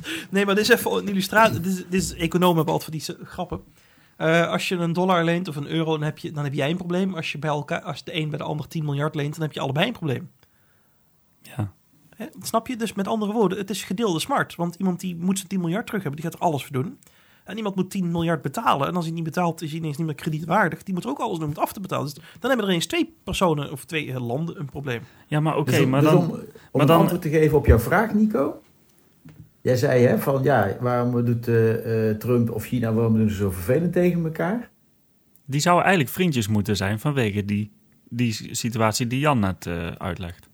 Precies, en dat doen ze ook wel een beetje. En ze blaffen wel een beetje. Ook wel een beetje ik denk ook wel een beetje voor Ik de denk dat meer politiek met verkiezingen te maken heeft dan met het feit dat of eh, niet Trump- Trump die denkt, ik, moet toch weer herkozen worden. En eh, ja, in China daar hebben ze wel wat langere termijn van eh, strategische beslissingen. In Europa en Amerika denken we misschien in twee jaar, vier jaar, zes jaar. ja. En in China denken ze in 50 tot 100 jaar. Overigens, hoe heet je ook weer in China, onze grote leider? Xi Jinping, Ja, onze grote leider, ja? Nee, ja, nee. De grote leider. De grote leider van China, Xi Ping, Jinping. die heeft zichzelf toch benoemd voor, voor de rest van zijn leven? Ja. Daar heb ik Oh. niks van gehoord. Ja, een werkt dat zo? geleden? Ja, ja, Ik, ik, eh, ik benoem mezelf gewoon... eh, Tot leider. ja, ja, ja. Ja, Ik hoef nou, niet met pensioen. nee. Mooi toch? Nou, als, als, als een, eh, een Poetin het doet, dan staat de wereld in brand. En, en, eh, ik, ja, nou, dit gebeurt, ja. Maar is dat niet een deel van de Chinese cultuur, die eh, zulke beslissingen? Tuurlijk, Ja, vroeger hadden ze een keizer en nou hebben ze nou ja, Ja. een partijleider. Ja. Ja, ja. Ja, je moet Ik kan mij ook, eh, voorstellen voor onze luisteraars dat eh, het is allemaal interessant om ons te horen praten, maar misschien om het even nog een beetje, nog een klein beetje het praktisch proberen te maken. Wat moeten we hier nou mee, hè, met z'n allen? Ja, Want we hebben net het? vastgesteld dat de euro waarschijnlijk een keer om gaat vallen. Volgens mij hebben wij vorige show, Nico, even, help me even herinneren, want we zitten nu in show 14. Volgens mij was het show 13 dat we even het boek pitchten als de dollar valt van Ja. ehm, Willem Middelkoop. Ehm, volgens mij, als ik me dat boek goed herinner, is de dollar de laatste munt die gaat omvallen. Gewoon omdat Amerika het grootste leger heeft en nou ja, toch wel een geschiedenis van kredietwaardigheid de afgelopen 200 nog wat jaar. hè. Ehm, maar dus conclusie, dus de euro gaat misschien een keer omvallen. Eigenlijk gaat al het fiat geld een keer omvallen. We zitten in een soms 2% inflatie, soms minder inflatie, maar soms nog veel meer inflatie. Jaren 70 was het gruwelijk, dat je 8, 10, 12% inflatie per jaar. Nou, de, de wat, misschien dat Raymond zich nog kan herinneren die tijd. Ik was toen Nee, Jan. maar- Oh, kun je dat ook niet herinneren? Oh, sorry, ik wil jou niet dateren hier. Jawel, maar, een eh, beetje, nee, maar een beetje wel. Ja, een beetje wel. maar dat, ja. eh, als je 12% inflatie hebt, dat is toch gruwelijk? ja, dat is ook 12% rente op je, op je of hypotheek, hè? Dus dan moet je even nagaan wat dat, wat dat betekent. Dan loopt de economie vast. Als Omdat je een huis hebt van 3 gewoon- ton of 4 ton, Ja, ja, dan moet je 40.000 euro betalen per jaar.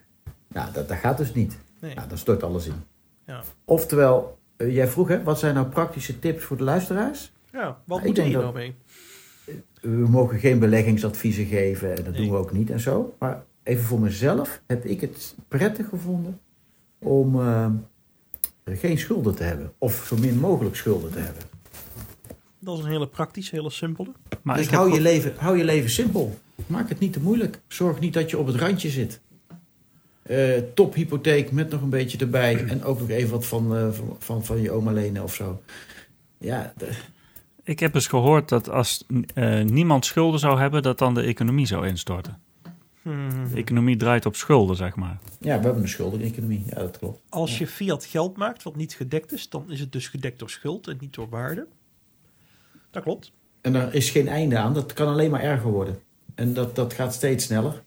Dat gaat exponentieel. Oftewel, eh, nou ja. Ik heb een, dat eh, ik heb een eh, vraag over, dit, eh, over schulden. Ehm, we bespreken net, eh, als de munt valt, als zeg maar de euro valt of de dollar valt. eh, stel je hebt dan 100.000 euro op de bankrekening. en de munt die valt om. Ben ik dan die 100.000 euro kwijt?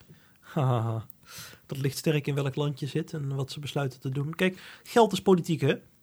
Bedoel, de euro, de euro is een mooi voorbeeld. Ik ben oud genoeg om me te herinneren. Ik weet nog op tv dat er werd gesproken. We krijgen de euro binnenkort. Iedereen, dat, die hoeft niet, geen paniek. Je moet gewoon je guldens even inleveren bij de bank. En dan krijg jij eh, de tegenwaarde 2,20371. Dat weet ik nog uit mijn hoofd. Dat leerde ik op de HAVO. dat was toen de wisselkoers. Dat had gewoon iemand bedacht.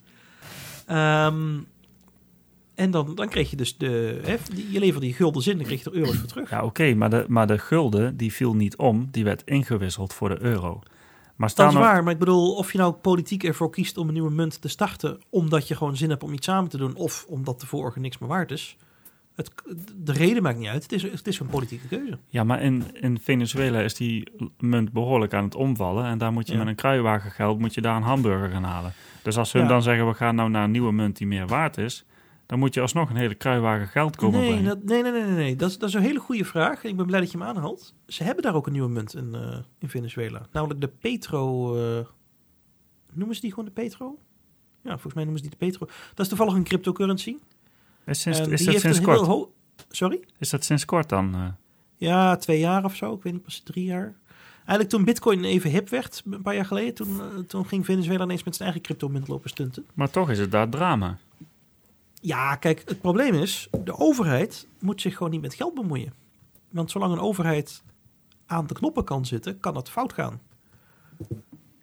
En ik denk dat Amerika zijn invloedssfeer in Venezuela wil doen gelden. Dus die Ja, zorgen tuurlijk. dat er geen, flink, eh, eh, geen, ja. geen grondstoffen komen, geen goederen, geen eten.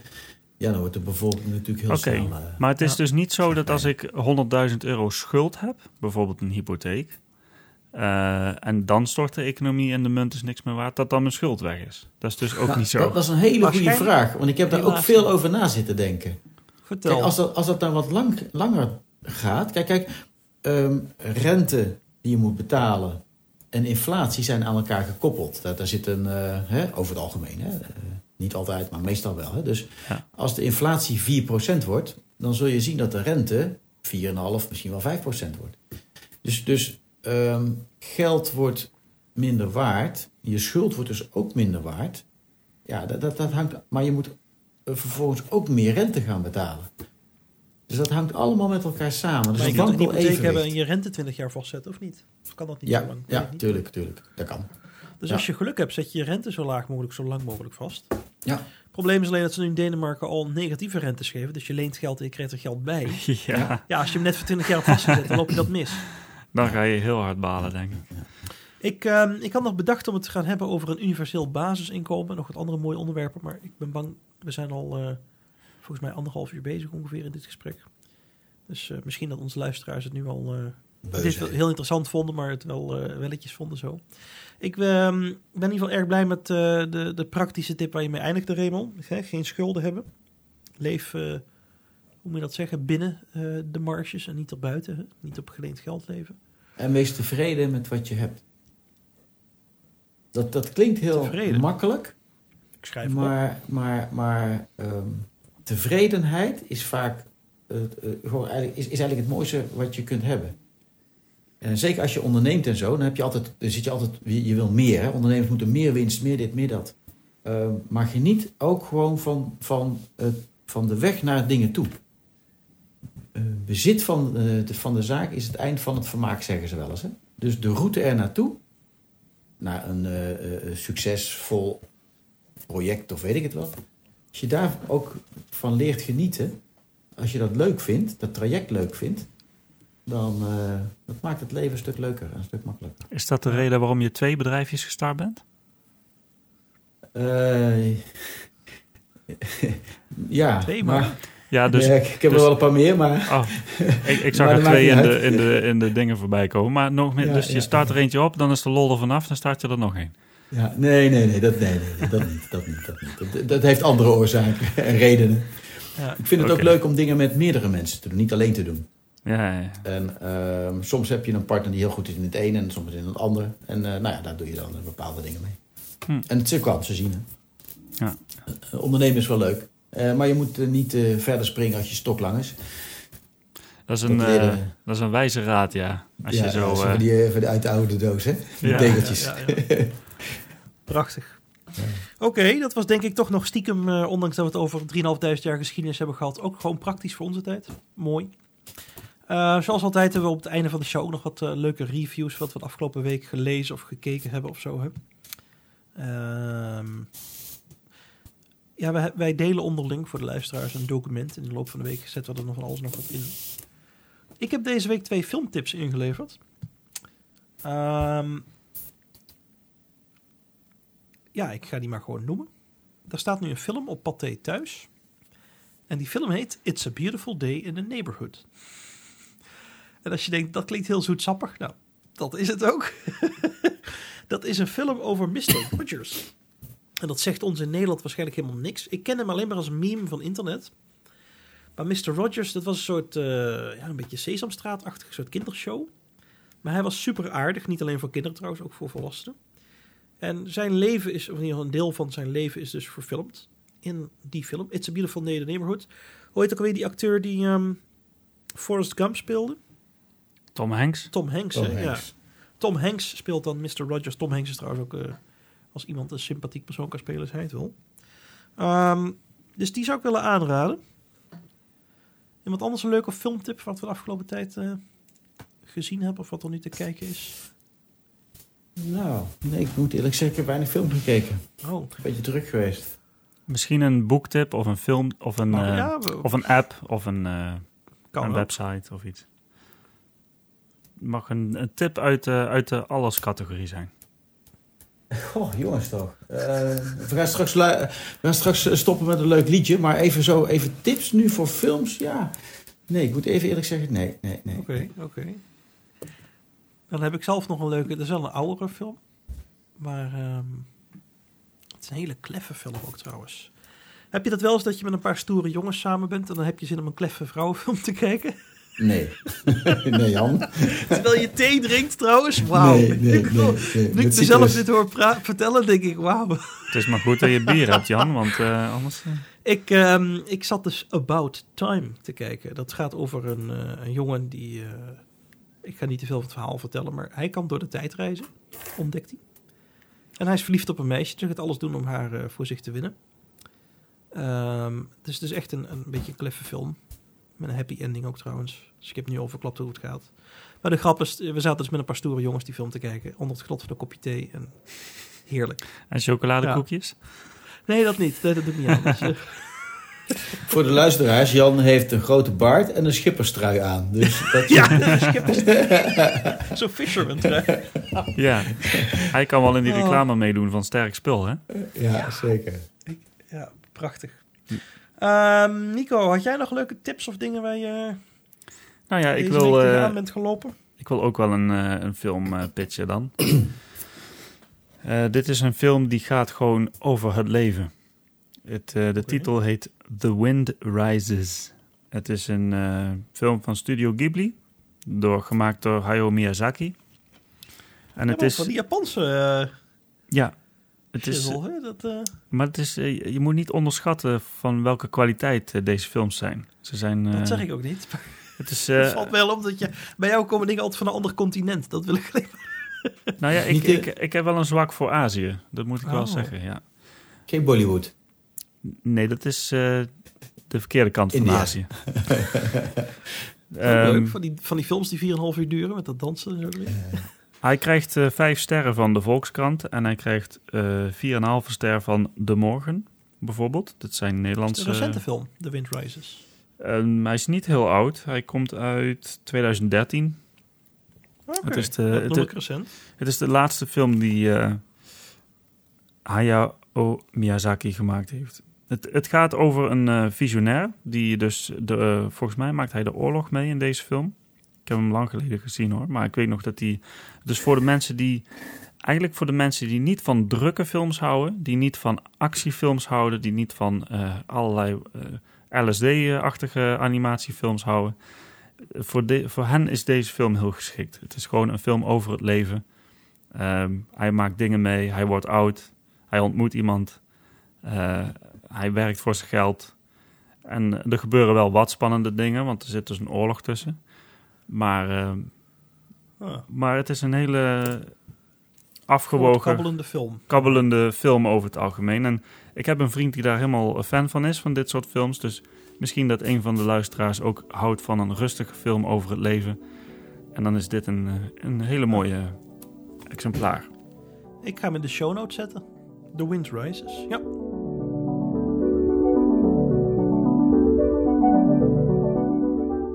Lieve luisteraars, dank jullie wel weer voor het meedoen in deze redelijk stellig show.